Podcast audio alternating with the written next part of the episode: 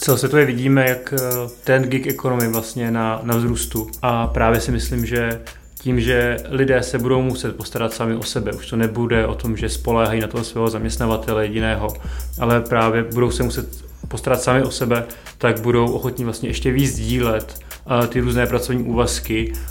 Ahoj, já jsem Michala Gregorová a vítám vás u Cinkátka, podcastu o tématech, která nás Mytonu baví. Co jsme zač?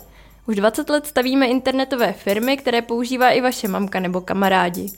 Dnešní díl bude o změnách, taky o nepředvídatelnosti a jak se s tím v podnikání vyrovnat. Povídat si o tom budu s Jarmilou Kovolovskou a Karlem Maříkem, zakladateli Grasonu. Ahoj Jarmilo, ahoj Kájo. Ahoj. Ahoj. Grason byla před dvěma měsíci platforma, která propojovala restaurace se s personálem. A pak se restaurace ze dne na den zavřely. Co je Grason teď?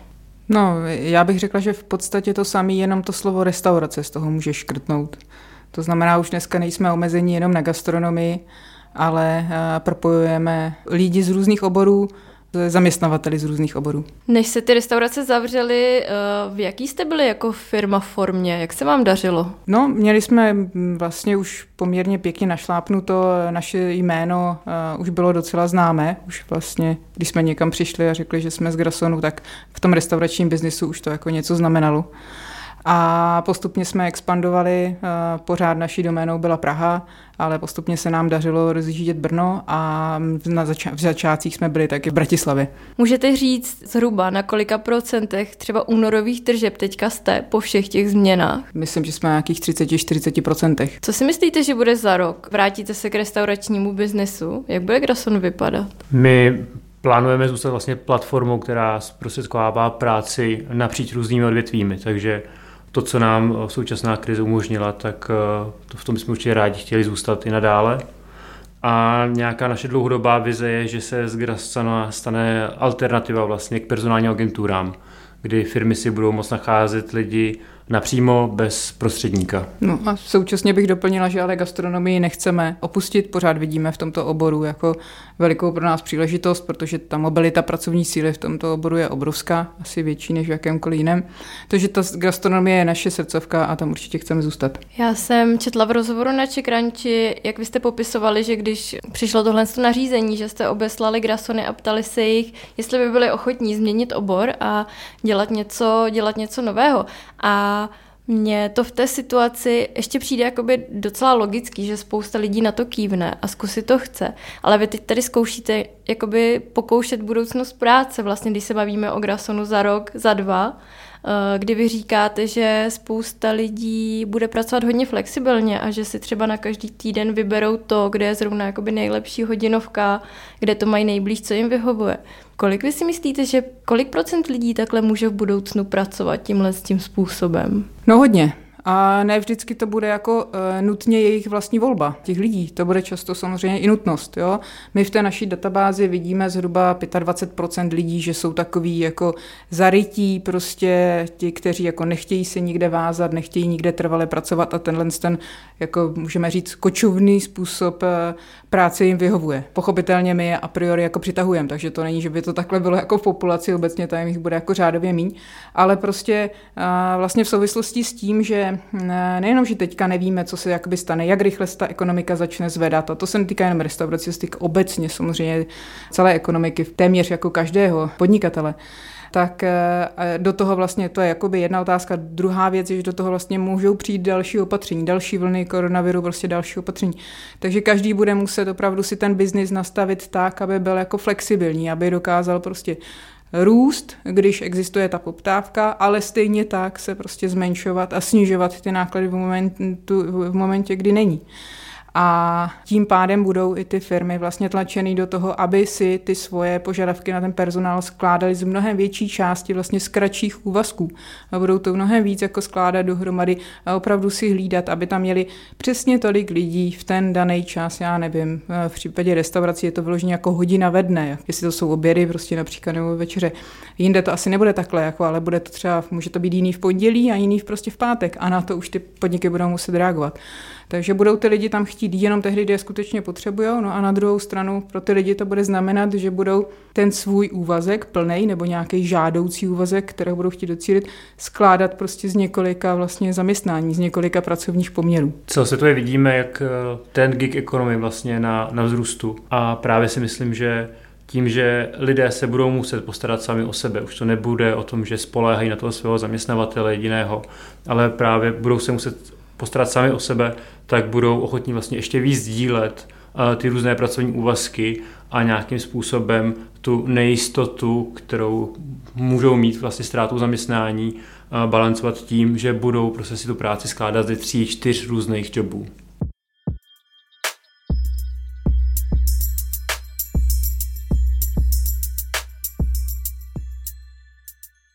Takže vlastně potenciální krize tomuhle tomu hodně nahrává, že se to urychlí, tahle ta změna. Určitě ano.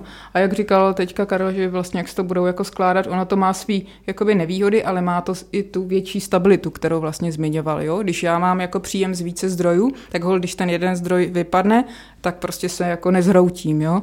Takže jsou v tom i zjevné výhody. Když si vezmete množinu lidí, kteří budou využívat Grason nebo jinou platformu, která jim umožní tohle přeskakování mezi úvazkama, myslíte si, že většina z téhle množiny bude mít full-time job a budou si to jako doplňovat jako přivídělek? A nebo že to opravdu bude tak, že většina to bude mít poskládáno z více menších úvazků bez toho hlavního? Eh, já si myslím, že eh, většina pořád bude mít nějaký, možná ne full-time job, ale možná nějaký poloviční úvazek nebo nějaký třičtvrteční úvazek prostě a ten budou jako doplňovat s tou další prací. To pořád bude jako majorita, protože ani ti zaměstnavatele se úplně jako nezmění ze dne na den. I tam prostě to bude vyžadovat nějaký čas.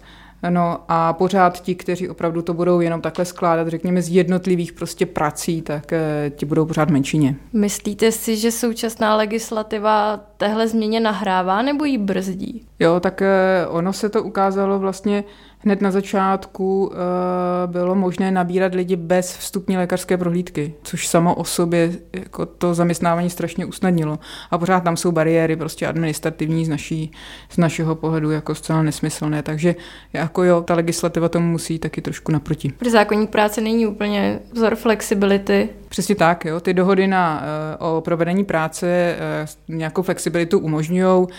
Trošku tady narážíme na různé výklady úřadu práce o tom, tom, co jako lze a co už je tak nějak jako zahranou. Jsou tady prostě, takže hodně by pomohlo už jenom jako něme, sjednocení pohledů těch jednotlivých úřadů na to, co lze a co nelze a trošku větší jako digitalizace a lehké jako rozvolnění. Žádná revoluce není potřeba, jo, vlastně stačilo by, když by se všechny úřady práce přiklonili k té, řekněme, volnější, k tomu volnějšímu výkladu zákonu. Pojďme se vrátit teď do té chvíle, kdy, kdy se zavřely restaurace. Když se to stalo, co byla první věc, kterou vy jste udělali? No, my jsme okamžitě vlastně uh, vyrazili po dvou kolejích. Uh, jedna kolej byla snižování nákladů u nás interně a druhá kolej byla hledání nových odvětví a nových zákazníků. Co se týče těch uh, nákladů, tak možná i díky tomu, že já jsem spíš pesimista. Já spíš jako si myslím, připravme se na to horší a pak buďme příjemně překvapení, takže jsem opravdu s ničím nečekala. Museli jsme se rozloučit i my, teda s nějakýma lidma, takže jsme to udělali okamžitě, něco jsme si jako eh, nějaký další, jsme si jako naplánovali na později, myslím propouštění Hned jsme začali řešit taky nájem našich kanceláří a vlastně poprosili jsme i ten náš tým, aby se každý za tu svoji oblast podíval na to, kde se dá ušetřit, abych, a nešli jsme vlastně jen, jenom po těch velkých položkách, ale časem jsme dokázali to projít všechno a snížili jsme, nevím, i náklady na Gmail například, jo, prostě jsme to důkladně prošli všechno. Takže to byla ta jedna část, to byla ta nákladová. O, o, o kolik jste sundali náklady zhruba? O polovinu. No a současně v podstatě opravdu okamžitě hned během toho prvního víkendu jsme začali zhánět nové klienty. Viděli jsme prostě, kde teda ten boom jako nastával, to bylo zcela zřejmé, vlastně všichni potravinářské řetězce byly jako přehlcené, vlastně zákazníky obrovské fronty a tak, takže to bylo první, co jsme, s tím jsme vzali všechny drogérie prostě a co jako by na to navazovalo a současně samozřejmě i ta eh, stránka té e-commerce, prostě začali jsme ty klienty masově oslovovat. Eh, v té době vlastně nám ještě eh, velkou výhodou pro nás bylo, že hodně lidí v naší databázi má ověřený potravinářský průkaz, a tak z toho jsme hodně čerpali, protože to vlastně nikdo jiný na tom trhu neměl, myslím. Je, takže to nám pomo- hodně pomohlo, hodně nám to jako otevřelo dveře.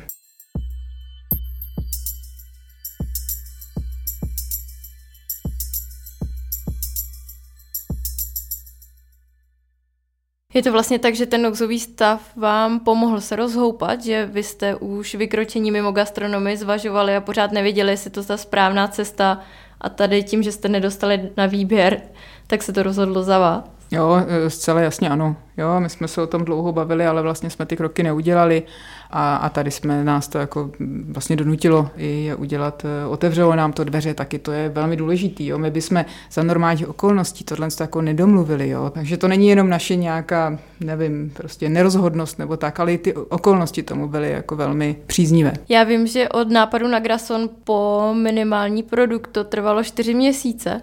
A teďka všechny ty změny trvaly v řádu týdnu. Eh, jste spokojení se svojí rychlostí? Myslím si, že ano. Já osobně jsem. Hlavně ta naše prvotní reakce, protože ono to, tam to okno té příležitosti nebylo zas tak velké. Ono to byly dny, kdy ta příležitost jako existovala a pak zase vlastně pohasla. A to bylo opravdu v tom velkém nákupním nákupním šílenství, které trvalo, já nevím, jestli správně pamatuju, dva týdny, jako maximálně. A to bylo to okno. A na to my jsme dokázali zareagovat. Jo? Stejně tak si myslím, že jsme opravdu velmi rychle vlastně zareagovali na té nákladové stránce, kterou jsem zmiňovala, čím jsme zase koupili prostě trošku víc času do budoucnosti to jako ladit. I co se týče té samotné propozice, tak my jsme to ohromně zdigitalizovali, tu platformu. Vlastně dneska udělali jsme z toho absolutně, nebo ještě nám pár kroků chybí, ale jako do měsíce to bude absolutně jako samoobslužné místo a to jak na straně vlastně těch lidí, tak na straně těch klientů. A to je jako taky obrovský posun. I pro nás samozřejmě je to i ten směr vůči té škálovatelnosti eh, směrem ke geografické expanzi, protože už nejsme závislí. My jsme vlastně původně že jo, byli závislí na tom, že jsme dělali ty osobní pohovory s těma lidma. Jo. Museli jsme pochopit pochopitelně i s ohledem na tom, v jakém stavu byl pracovní trh, tak bylo velmi nutné tam jako dělat to síto. Ale teďka se ta situace vlastně mění. Teďka vlastně na tom pracovní, na ten pracovní trh se uvolňují jako desítky tisíc eh, lidí a obecně kvalita kandidátů bude jako mnohem lepší a tudíž eh, nám to zase umožnilo jako od tohohle z toho ustoupit. Samozřejmě musíme to něčím balancovat, takže eh, dneska jsme hodně jsme rozšířili vlastně a udělali detailnější profily těch grasonů na platformě, aby si zaměstnavatele i bez toho našeho eh, síta prvotního jako dokázali dobře vybrat a, a byli spokojeni. No a na druhou stranu nám to pak zase umožňuje teda eh, geograficky expanzovat, aniž bychom měli kancelář v každém prostě menším městě, takže... Vy říkáte, co jste udělali v těch prvních týdnech, co jste udělat měli a neudělali, anebo co se udělalo zbytečně? Co vás napadne jako první? Já myslím, že ještě nevíme. Jako, my ještě nevíme, jak to přesně v tom novém hávu bude fungovat. To je, jako je potřeba si říct a jestli všechno, všechna ta rozhodnutí a všechny ty změny, jestli byly ty správné. To prostě trošku ukáže čas. Já tě ještě jednou ocituju, protože ty když si mluvila teď o té nové době, co zřejmě nastane, tak si říkala, že bude potřeba rychle růst v období, kdy je poptávka vysoká a stejně tak se dokázat i hodně umenšit v okamžiku, kdy mi ta poptávka spadne. To je něco, s tím se musíme naučit všichni lépe pracovat. Jak vy se na to připravujete? Jaký konkrétní opatření Grasonu děláte, abyste tohle zvládli? U nás se to vlastně projevuje tím, jak jsem zmiňovala, že vlastně ta, tu platformu jsme udělali absolutně samoobslužnou, že vlastně není už na nás jako závislá. Dneska jsme právě o tom uh, hovořili a říká, všechno, co vyžaduje vaši, jako váš manuální vstup a vlastně je závislé na tom, jakože se něco na té platformě stane a někdo si toho musí všimnout a udělat nějakou akci, tak tohle to všechno musíme zrušit. Takže prosím, jako věnujte tomu pozornost, prostě pište si ty věci, které ten manuální zásah jako vyvolávají, protože my je musíme ve velmi krátkém čase zcela eliminovat. Ta platforma musí prostě fungovat sama.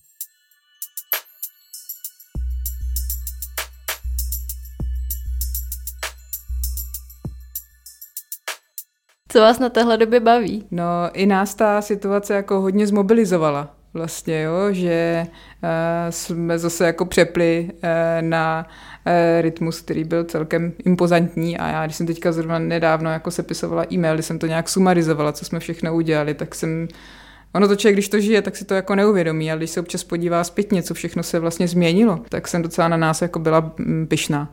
Eh, to tempo, kterým jsme jeli, eh, zejména teda ze začátku, tak určitě není udržitelné, to takhle jako jít nejde, ale je jako fajn to zase jako v takovémhle jako laufu zažít. A já jsem teda eh, hodně byla pyšná i na ten tým, jo, jak eh, fantasticky vlastně v tom byl s náma, jo. Příklad prostě, já jsem zmiňovala, jsme vlastně snižovali ty náklady, tak jako mnozí ty lidé přišli jako sami a říkali, hele, mm, musíme jednat, prostě sami jako vnímali tu urgenci té situace a sami jako navrhovali prostě ta úsporná opatření, jako jo. A to včetně toho, že si sníží plat, tak eh, to bylo jako fantastický vlastně a ten tým opravdu s náma jako jel celou tu dobu a byla tam obrovská jako vzájemná podpora a tak, tak eh, to bylo moc příjemný.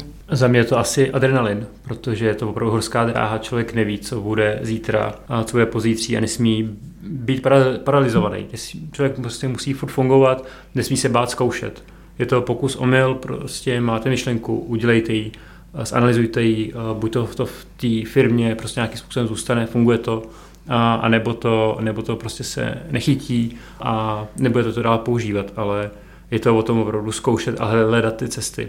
A asi to hledání těch cest teďka opravdu v té době té krize, které musí přicházet rychle, tak je něco, co mě hodně bavilo, i když to bylo hodně stresující samozřejmě, aby člověk jako udělal ten správný krok. Mě zajímá, jestli tohle tempo a stres se nějak podepisuje na vašem zdraví, ať už fyzickém nebo duševním. Já úplně nevím, jestli na našem s Jarmilou, ale asi určitě stojí tady za zmínit vlastně, že díky našim partnerům vlastně, který nám podržili, protože jsme vlastně s Jarmilou byli ač na dálku, tak v kontaktu téměř 24-7, minimálně těch prvních 14 dní, a vlastně to prostředí, který nám doma vytvořili, tak bylo strašně motivující a určitě jim toto patří velký dík, že jsme se mohli plně věnovat firmě a máme u nich teďka 100% dluh, který eh, budeme ještě dlouho splácet. Tak nějaká občas krize jako přišla, že si člověk eh, jako lehce přepracoval, jo, nebo prostě toho stresu bylo víc, než co to tělo v tam daném okamžiku dokázalo jako zvládnout.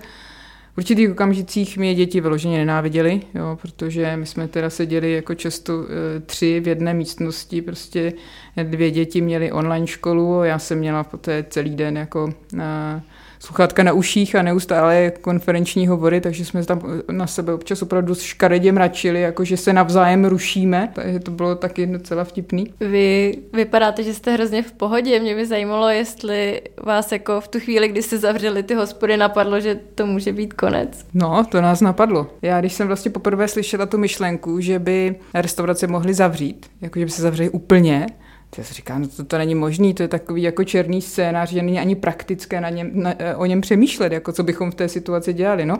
A za pár dnů se to stalo. Takže jako, myslím, že pár minutová paralýza, kdy to rozhodnutí padlo, tam jako u nás taky byla, ale opravdu to bylo jenom pár minut, než jsme se teda vzepřeli a a pustili se do toho znova. Máte nějakou radu pro někoho, jehož biznis se dostane do podobné situace? No, já jsem v tom opatrná v těch radách, jo, protože co já si uvědomuju je, že prostě každá ta firma je v trošku jiné situaci, ty podmínky nejsou stejné, ne každý má stejnou možnost se s tím poprat a přežít to, eh, nehledě na to, jak je dobrý. Takže já nemám ráda moc takový tvrzení, že teď se ukážou jako ty skvělé firmy a ty průměrné, protože to je mnohem složitější než takhle. Ale uh, já si myslím, že opravdu je důležité jako dělat ta rozhodnutí rychle prostě, no, ne, nepřemýšlet moc eh, dlouho, protože člověk stejně neví, stejně zjistí, že neví, takže mu nezbyde nic jiného, než spíše jako rychle jednat a pak prostě podle té situace se rozhodovat dál.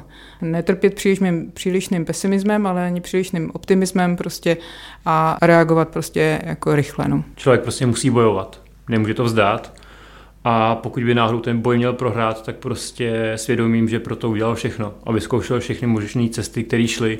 A ne, že to jen tak nechal prostě být ladem, takže za mě prostě bojovat a jít dál a pokud to prostě nemá jít, tak to nepůjde, ale, ale určitě, určitě bojovat a hledat ty příležitosti.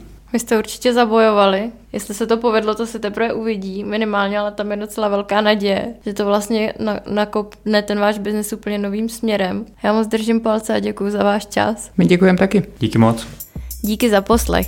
A pokud vás zajímá, proč se tenhle podcast jmenuje Cinkátko, zeptejte se nás. Neustále totiž hledáme zvědavé a chytré lidi do našich firm. Více se dozvíte na miton.cz.